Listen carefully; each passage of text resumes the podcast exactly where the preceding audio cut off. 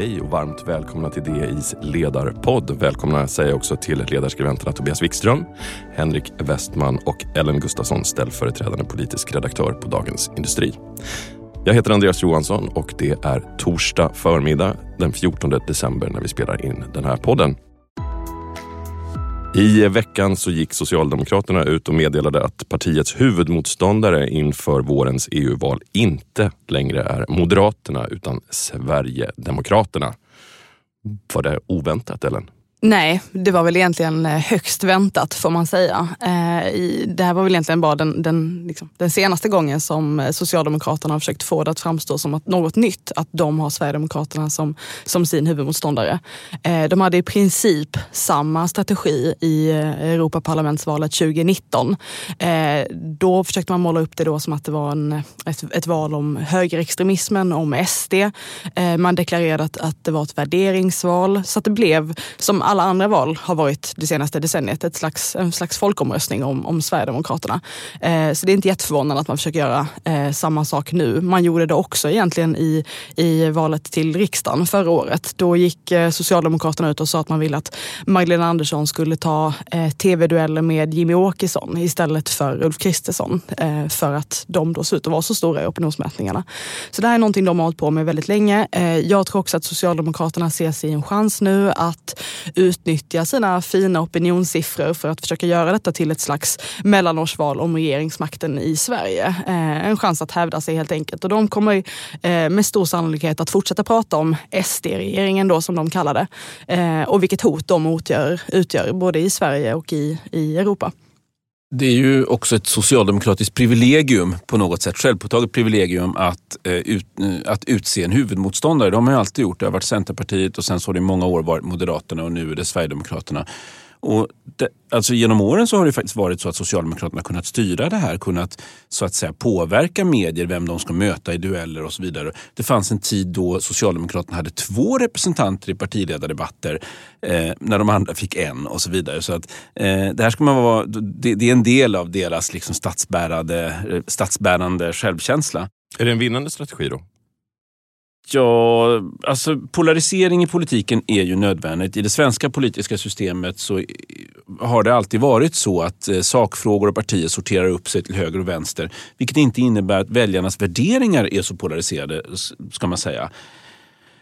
Men med det sagt så är ändå svaret nej. Det är inte en vinnande strategi. Ehm, tycker jag. Eh, I Socialdemokraternas värld så måste alltid den här huvudmotståndaren demoniseras och göras till extra ond. Eh, och eh, det blir ju extra mycket av den varan när det gäller eh, Sverigedemokraterna och det bidrar till en, till en rätt snaskig, eh, snaskigt, snaskigt debattläge tycker jag. Sen är det ju så att i, i, valet till just Europaparlamentet så är väljare mindre insatta om man säger så än i, i nationella val. Eh, och det öppnar upp för en annan form av debatt. Det kan vara frågor som dyker upp från ingenstans och blir ganska stora och avgör. Eh, till exempel abortfrågan som blev väldigt stor i Europaparlamentsvalet 2019. Eh, så här har ju partierna på ett sätt en, en annan chans att sätta agendan och driva, liksom, få debatten att handla om de frågorna som de tycker är viktiga. Eh, och eh, här kommer ju inte bara Socialdemokraterna utan jag skulle säga hela vänstersidan att antagligen då lyfta fram eh, Sverigedemokraterna på samma sätt som man nu ser att eh, Socialdemokraterna eh, gör. Eh, jag tror också att man kommer att eh, spela upp om man säger så, hotet om svexit från SD. De har ju, eh, man har ju pratat om det ett, ett, tag nu och de vill ju till exempel utvärdera det svenska medlemskapet. Eh, så att, när det kommer till Europaparlamentsvalet så är en av de viktigaste frågorna för väljarna handlar om freden i Europa. Så att det är enkelt att det blir på något sätt en en, en ganska basal eh, liksom fråga om för eller emot EU. Eh, och på så sätt skulle man kanske kunna vinna på det om man, om man blåser upp det här hotet tillräckligt stort. Men, men det är inte så att Sverigedemokraterna vill, vill lämna unionen eh, i, liksom, idag. Tvärtom, om man skulle göra en utvärdering så skulle det också visa att, eh, att vara medlemmar är fantastiskt positivt för ett litet land som Sverige. Och sen så får man komma ihåg att både Socialdemokraterna och Sverigedemokraterna har samma motståndare just i EU-valet och det är soffan. Eh, det här erkänner ju Socialdemokraterna. De säger att det här är mobiliseringsval, det vill säga att de ska få sina egna sympatisörer att överhuvudtaget gå och rösta. Eh, de stora partierna gör sig ju rätt dåligt i EU-valet jämfört med riksdagsvalet. Eh, och de små partierna gör sig bättre.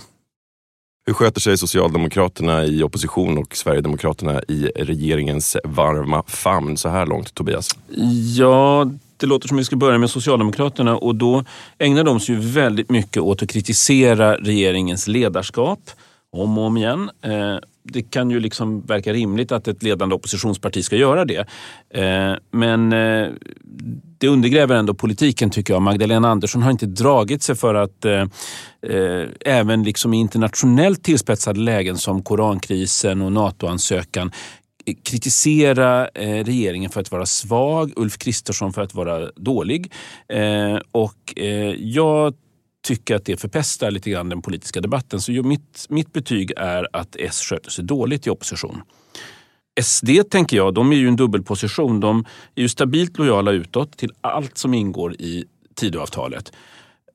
Men så formar de också sin egen politik, eller vad man ska säga, på områden som liksom inte ingår. Eh, och där spetsar de gärna till det och ibland alldeles för mycket och alldeles för vulgärt, vilket gör att man kan ifrågasätta om de skulle kunna faktiskt platsa i en regering, eh, till exempel efter nästa val. Eh, men det huvudsakliga intrycket är ändå att de är inne i politikapparaten, att de försvarar systemet. De står sida vid sida regering, vid regeringen utan att så att säga ställa till det, utan snarare bidra konstruktivt. Det är min uppfattning. Alltså rent krasst kan man ändå säga att det finns mer att önska av, av båda de här partierna. Inte minst i egenskap att det är Sveriges två största partier eh, just nu. Och eh, på olika sätt, det här har ju Tobias också skrivit en text om, men just det här att de har på ett sätt liknande retorik. Alltså den är, eh, den, det är en ansvarslös retorik från båda de här partierna i en ganska allvarlig tid. Eh, Socialdemokraterna å sin sida eh, tar varje tillfälle de, de kan att underminera regeringen, att utmåla den som att den har eh, på, på något sätt onda avsikter. Eh, och eh, man gjorde det till exempel då när det var eh, ja, när det blev ett storbråk eh, i Göteborg eh, apropå konflikten i Gaza. Eh, och från SDs sida så har man ju eh, haft eh, väldigt, väldigt eh, eh, ja, märkliga uttalanden kring till mos moskéer. Det var eh, moskéutspel som, som drev på polariseringen ytterligare i ett ganska känsligt läge. Eh, och det här gjorde man då i en, eh, i, när vi fortfarande står här utanför NATO och väntar på att komma in. Och eh, man sa ju då att man, eh, man anklagade dem för att faktiskt göra den här processen ännu svårare. Så att båda två ja, misslyckas ju någonstans att ta det ansvar ansvar som man kan förvänta sig. Dels av SD som en del av regeringsunderlaget och dels av Socialdemokraterna som, som ett traditionellt statsbärande parti och det största i opposition. Vi ska strax byta ämne men avslutningsvis, eh, Ellenvintern har börjat kallt och energikrisen är långt ifrån avstyrd. Kan vi förvänta oss att Socialdemokraterna vänder i kärnkraftsfrågan? På ett sätt har de redan gjort det. Eh, de eh, vill ju egentligen inte eh, få det att framstå, de vill inte få det att framstå som att de någonsin skulle ha vänt, för i deras värld har de ju varit, varit för det under, under lång tid. Men i praktiken så såg man en förändring någonstans innan förra valet, när kärnkraften blev en, en allt viktigare fråga för väljarna. Då gick man in och till exempel ändrade sina svar i, i olika valkompasser och sa att ja, men ny kärnkraft är ganska bra istället för ganska dåligt. Eh, och eh, nu när den här nya regeringen har presenterat olika förslag för att man ska kunna bygga mer kärnkraft så kan vi också se att Socialdemokraterna har hakat på i alla fall delar av det. Man är för nu till exempel att man ska få bygga fler reaktorer än tio som har varit den begränsande lagstiftningen i Sverige. Eh, så att de har i någon mån ändrat sin linje. Problemet där är snarare att det spelar egentligen ingen roll vad, vad Socialdemokraterna ensamma vill utan om det finns en misstanke att de skulle kunna sätta sig med Miljöpartiet eh, i en framtida regering så vet vi väldigt tydligt vad Miljöpartiets ställning är. Eh, de kommer försöka göra precis samma sak som man gjorde när man satt sig i regering tillsammans 2014 eh, och påbörjade en politik för att kunna stänga ner reaktorer. Eh, så frågan är egentligen eh, hur, hur Socialdemokraterna förhåller sig till makten om, om kärnkraften så att säga ligger i andra vågskålen och hur, hur hårt man tar på, på den frågan där. Har du också valt att bli egen? Då är det viktigt att skaffa en bra företagsförsäkring. Hos oss är alla småföretag stora och inga frågor för små. Swedeas företagsförsäkring är anpassad för mindre företag och täcker även sånt som din hemförsäkring inte täcker. Gå in på swedea.se företag och jämför själv. Där det finns ett samhälle, där finns det brott. Krimrummet är podden som tar brottsligheten på allvar. Jag bjuder in landets ledande experter och tar upp aktuella rättegångsfall för att begripliggöra den kriminalitet som kryper allt närmare. Du, alltså, du kan knäcka ett eller några gäng, men det kommer komma nya och så kan vi knäcka dem sen. Men att du ska knäcka allt forever, det kommer aldrig ske. Det är infinite gain. Lyssna på Krimrummet, en podd från Expressen med mig Kim Malmgren.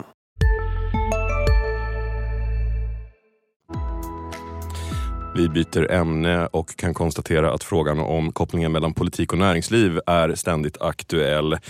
I veckan så eh, hade det i uppgifter om att Anders Borg är favorit att ta över ordförandeklubban i den statliga gruvjätten LKAB efter Göran Persson. Vi ska grotta i det ämnet men först helt kort, är det bra med före detta politiker i näringslivets toppskikt? Tobias? Ja. Henrik? Ja. Ellen? Ja. En rörande överens ledarpodd. Okej, okay, vi utvecklar. Henrik, du får börja. Eh, nej, men det, det här är ju personer som är oerhört erfarna. De är trycktestade, så att säga. De kan hantera komplexa utmaningar och problem. De kan hantera media och de har dessutom ett fantastiskt kontaktnät. Och för verksamheter då som rör sig in i politiken väldigt ofta och mycket så är det ju fullt förståeligt att man eh, också gärna har en person som har erfarenhet av politiken. Som till exempel Göran Persson då i eh, LKAB eller som Anders Borg eh, då som är kandidat för att ta över det jobbet. Sen kan man naturligtvis då ha invändningar som Dagens Industri har haft med tanke på Eh, vad politiker har hamnat i för slags bolag den senaste tiden. Och det är ju inte så uppmuntrande. Eh, där är ju till exempel då Viaplay där Anders Borg har eh, ett eh, förflutet i styrelsen. Eh, vi har eh, det här lilla men väldigt, väldigt omskrivna och uppmärksammade investmentbolaget inom fastigheter, Fastator, där det sitter ett helt batteri av, eh, av gamla eh, politiker. Carl Bildt eh, är där, eh, Ulf Adelsohn har varit där, eh, Mats Hult också och inte minst då Björn Rosengren som nu är tillförordnad VD. Och det är ju inget mindre än en katastrof det, det företaget får man säga. Varför är det så infekterat då i just det här fallet med LKAB? Eh, men LKAB är ju ett speciellt bolag. Det är för det första helstatligt eh, och för det andra har det fått mycket kritik eh, egentligen de senaste åren. Dels till exempel apropå Malmbanan och konflikten där som man har haft med H2 Green Steel där LKAB har ja, men anklagats då för att utnyttja sin roll. Jag tycker också att det finns ett visst fog för att tänka att det är det de har gjort. De är också största ägare i SSAB och det här skapar en speciell osund dynamik eh, på marknaden för det fossilfria stålet.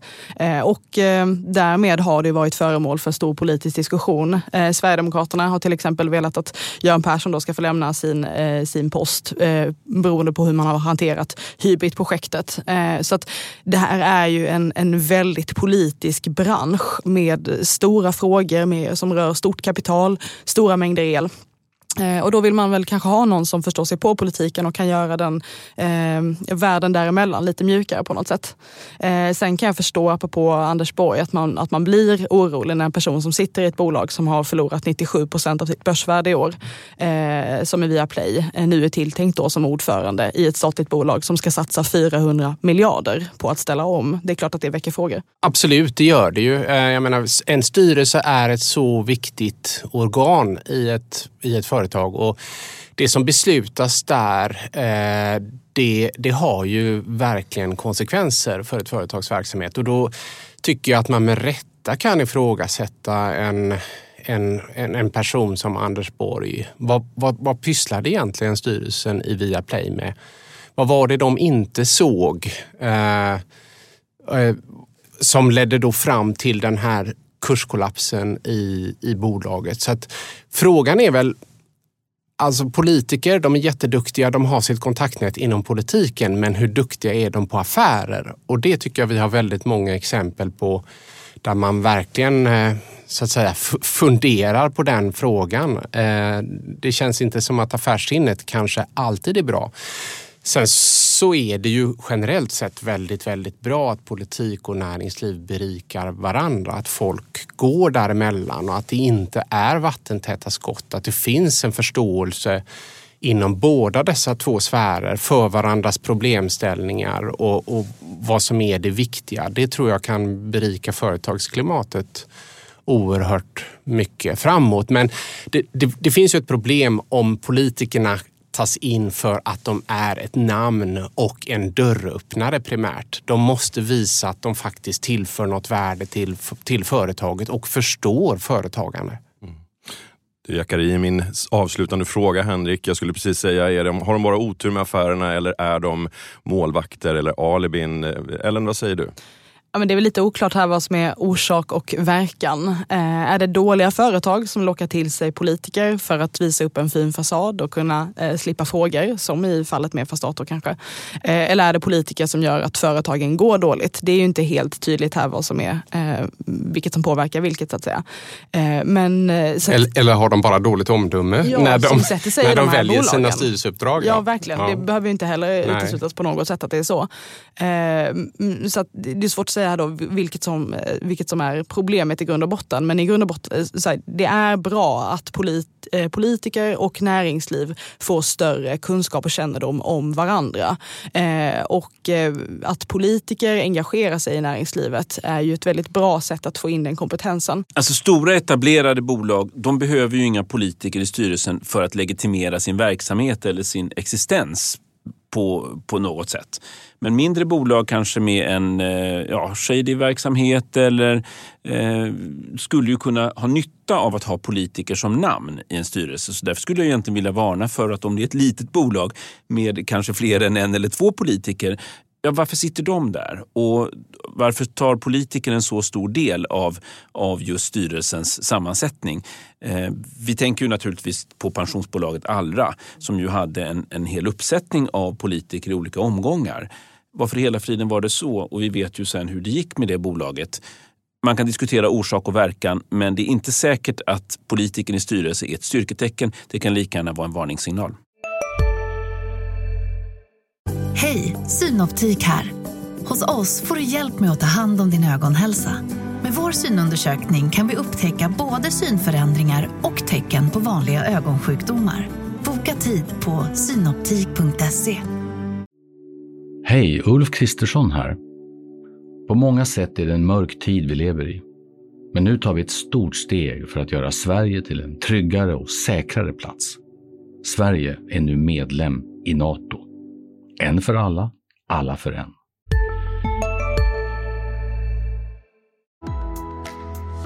Tack för det Tobias Wikström, Henrik Westman, Ellen Gustafsson. Missa inte våra andra poddar Digitalpodden, Makrorådet, Analyspodden och Stormens öga. Ansvarig utgivare är Peter Fällman och vi hörs igen nästa vecka.